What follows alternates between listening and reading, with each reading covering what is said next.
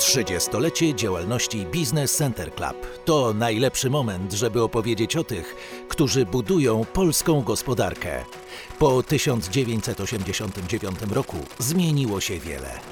Pojawiały się nowe możliwości, otworzyły granice, rozwinęły technologie, ale nie zabrakło też potężnych kryzysów. W serii podcastów opowiemy o tym, jak polskie firmy wykorzystały ostatnie trzy dekady, stały się liderami w swojej branży i jaki jest w tym udział BCC. Rozmowy na 30-lecie Business Center Club.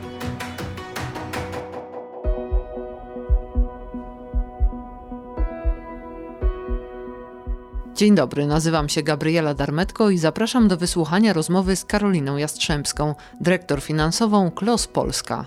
Ja dołączyłam do firmy KLOS w roku 2008, o którym jeszcze potem będę chciała powiedzieć, bo to był rok kryzysu finansowego, dlatego moje początki w firmie były takie burzliwe. Firma Klos to firma, którą założył mój ojciec. Także po odchowaniu dzieci zaczęliśmy się zastanawiać, co robić, czy powinnam wracać do swojej poprzedniej pracy, czy wesprzeć tatę i padła decyzja na to, że przychodzę do Klosa, do, do rodzinnej firmy, gdzie był już mój mąż i mój brat.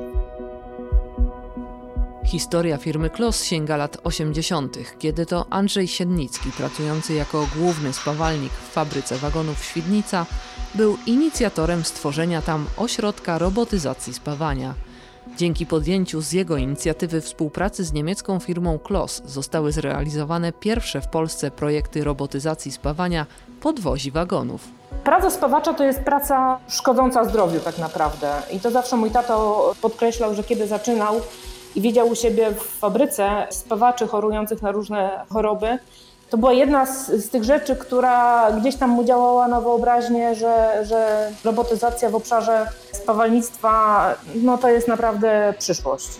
Innym pionierskim jak na tamte czasy projektem zrealizowanym przez Ośrodek Spawania była dostawa zrobotyzowanego systemu do Instytutu Patona w Kijowie. Nam się może wydawać, że robotyzacja to jest taka super innowacyjna, nowa sprawa. A tak naprawdę, bo właśnie sobie odgrzebałam tutaj, tata prowadził taką kronikę i ten robot to był 85 rok. To była jeszcze w Polsce głęboka komuna, a pierwszy robot w fabryce wagonów w Świdnicy stanął i spawał właśnie burty wagonów.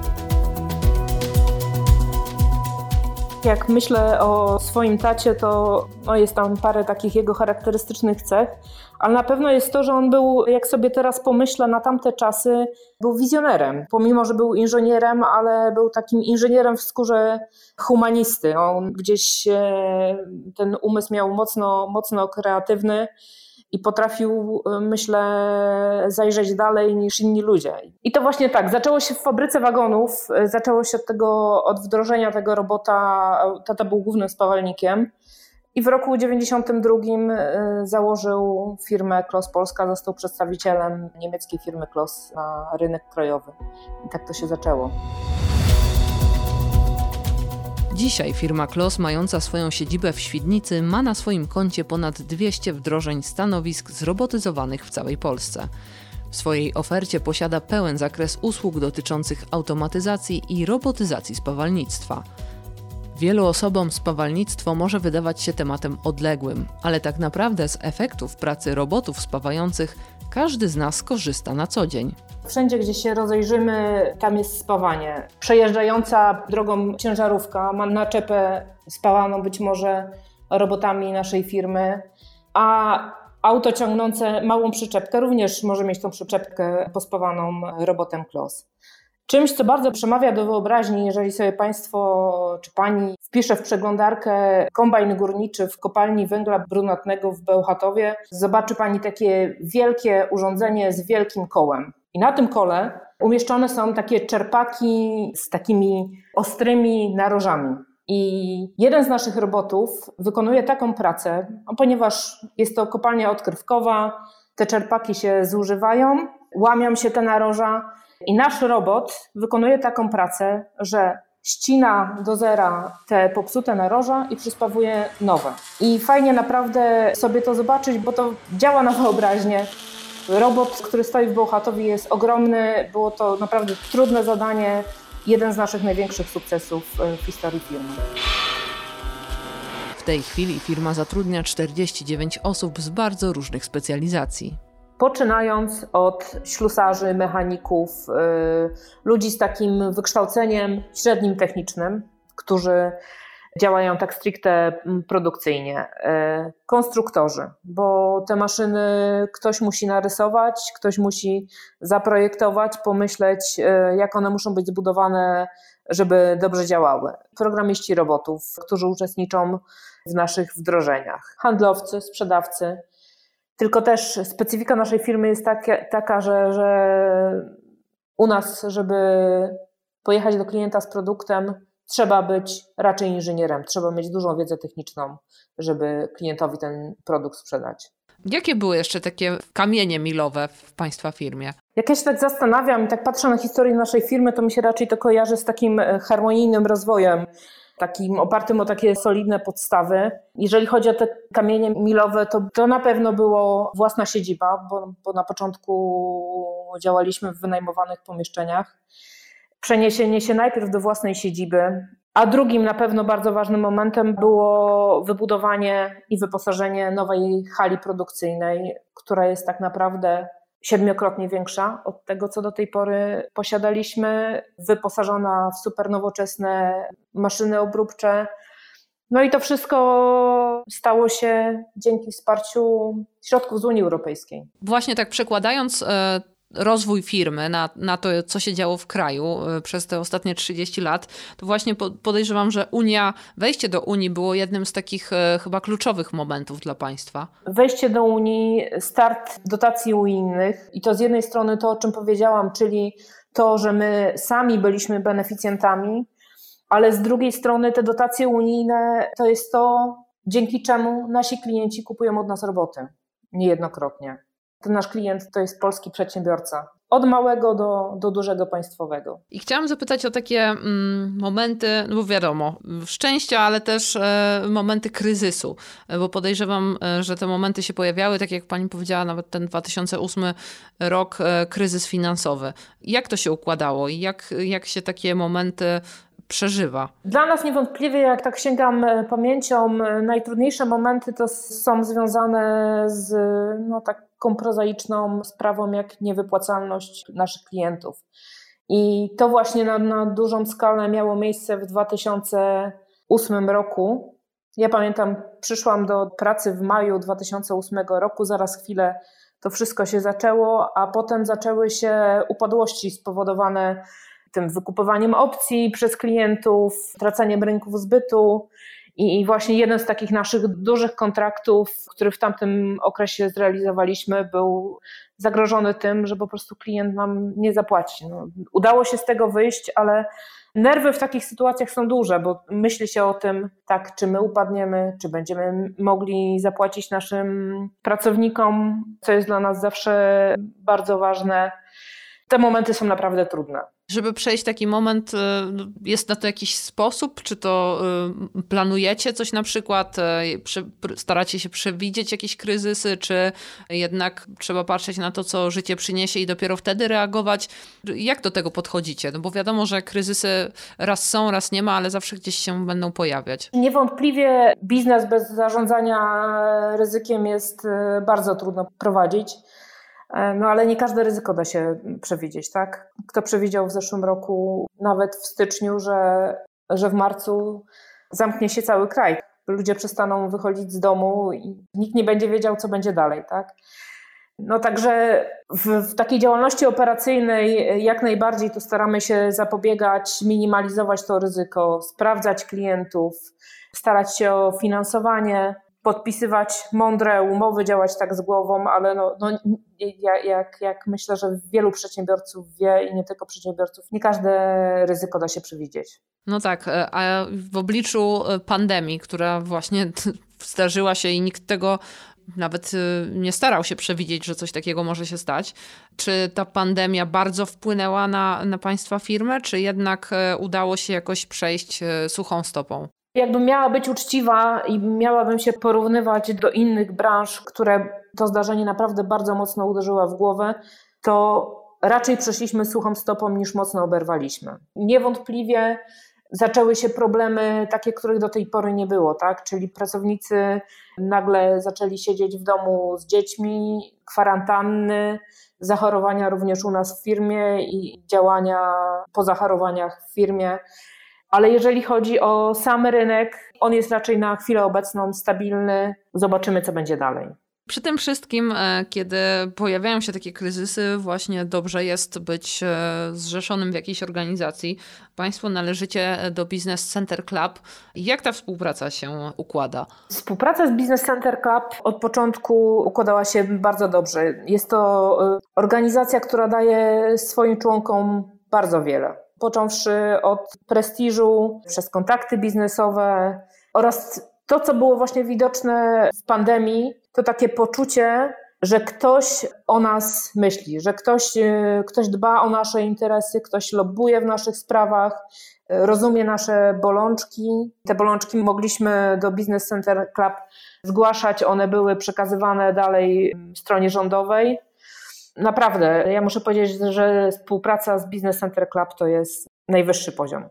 A można powiedzieć, że to jest też takie poczucie bezpieczeństwa w jakimś sensie? Poczucie bezpieczeństwa, pomoc prawna, która też niejednokrotnie się przydaje, doradztwo.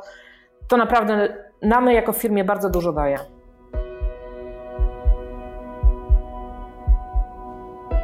W 2016 roku Andrzej Sienicki został wyróżniony przez BCC złotą statuetką lidera polskiego biznesu. Powiem szczerze, że statuetka stoi właśnie w tej chwili za mną. Ja sobie przypominam, jak tata odbierał podczas gali tę statuetkę. I ja myślę, że dla niego to było bardzo ważne wydarzenie, bo tata był e, chłopakiem, który urodził się na wsi pod Rawą Mazowiecką i ja myślę, że ta droga, którą on przebył, od tego chłopaka biegającego boso po podwórku na wsi, do elegancko ubranego w smoking inżyniera, biznesmena odbierającego w Teatrze Narodowym tą statuetkę, to było dla niego coś. A myślę też, że to może być taka też motywacja dla innych ludzi, którzy e, na niego patrzyli i chociażby też dla pracowników państwa firmy, on był taką osobą motywującą właśnie innych, kiedy podziwiali to, co robi? Tata był taką osobą, która zawsze wzbudzał yy, wśród ludzi duże zaufanie i szacunek. Jak miałabym powiedzieć jedną taką najważniejszą jego cechę, to to była siła spokoju. On nie był nerwusem, on na pracowników nie krzyczał. Ja myślę, że to dla ludzi było ważne zawsze. Tak, a jakbym tak spytała z Pani e, doświadczenia, jeżeli e, widziała Pani też, jak ta firma była tworzona, ale też e, pracuje w niej Pani. Co jest najważniejsze właśnie w prowadzeniu tak, tak dużego biznesu, odpowiedzialności za tak wiele osób też? Co jest najważniejsze?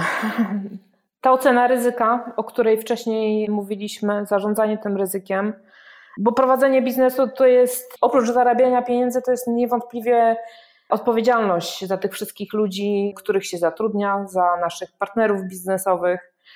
No niewątpliwie zimna głowa w podejmowaniu decyzji. Przez lata doświadczenia myślę, że, że z czasem jest łatwiej. Z wiekiem nabywa się też trochę takiej siły spokoju i, i z czasem jest łatwiej. Co jeszcze? Ja myślę, że niewątpliwie e, ciągłe patrzenie do przodu, nie zatrzymywanie się w miejscu i obieranie sobie ambitnych celów i, i dążenie do nich a konkurencja na rynku jest coraz większa. Kiedyś byliśmy sami na błękitnym oceanie, a teraz konkurencja jest coraz większa.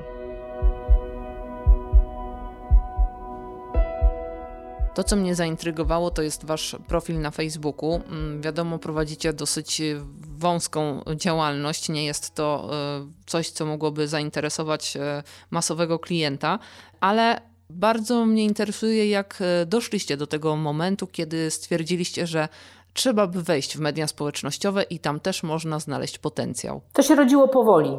Zaczęło się od tego, że zobaczyliśmy, że, że tradycyjne formy marketingowe no już nie działają. A wynikało to głównie z tego, że zaczęły się wymieniać pokolenia w firmach. Przychodzili nowi inżynierowie, także dawanie ogłoszeń w gazetach przestało przynosić efekty, tak? Również coraz mniej klientów, kontaktów przywoziliśmy z, z imprez targowych I wtedy no, zapadła decyzja, że, że, że trzeba coraz mocniej zacząć wchodzić w te media społecznościowe. I to jest głównie w tej chwili LinkedIn i, i Facebook. Opieraliśmy się też na, tutaj na profilach naszego głównego dostawcy, firmy Klos z Niemiec i te materiały marketingowe produkowane przez nich również umieszczamy na naszym polskim Facebooku. Korzystaliśmy również z agencji y, marketingowych, próbowaliśmy robić takie akcje docierania bezpośrednio do klientów. No także różne działania, ciągle, ciągłe poszukiwanie poszukiwanie różnego rodzaju aktywności nie tylko marketingowej i biznesowej, ale także społecznej. Firma Klos już od trzech sezonów wspiera kobiecą drużynę koszykarską Ślęza Wrocław. Zawsze nam się wydawało, że, że same takie działanie biznesowe i zarabianie pieniędzy to, to, to nie wszystko, tak? Zawsze chcieliśmy się tym dzielić, nie tylko jakoś tam poprzez branie udziału w akcjach charytatywnych. Jak się pojawił ten sport? Sport koszykówka to pojawił się tak swoją drogą poprzez Business Center Club i poprzez informację, jaką tutaj dostaliśmy z Loży Dolnośląskiej o programie, który został zorganizowany przez koszykarską kobiecą drużynę Ślęza Wrocław która się nazywała 500 po 500 i klub w ten sposób szukał e, sponsorów, nie skupiając się na jednym dużym czy dwóch dużych sponsorów, a, ale pomysł był taki, żeby zebrać dużą ilość małych przedsiębiorstw, którzy będą wspierać klub jakimiś takimi mniejszymi kwotami. I, i stąd się pojawiła koszykówka, nie mówiąc o tym, że, no, że mój mąż jest wielkim fanem koszykówki, także no, to też na pewno pomogło. I jeszcze na koniec chciałam zapytać, jak to jest pracować w firmie rodzinnej? Czy to ma więcej plusów czy minusów? Jak tak patrzę z perspektywy, wszystko ma swoje wady i zalety, ale jednak, jeżeli bym miała się teraz zamienić, pójść do pracy w korporacji, to mówię nie. Pomimo, że w chwili obecnej pracuję z mężem, pracuję z dwoma braćmi, na pewno te emocje różne firmowe przenosi się na grunt prywatny i, i vice versa ale nie jest to dla mnie osobiście jakimś tam trudnym doświadczeniem. Ja bym na co innego tego nie zamieniła. Gościem odcinka była Karolina Jastrzębska, dyrektor finansowy Klos Polska. Po więcej inspirujących historii zapraszamy do kolejnych odcinków serii Rozmowy na 30-lecie Business Center Club.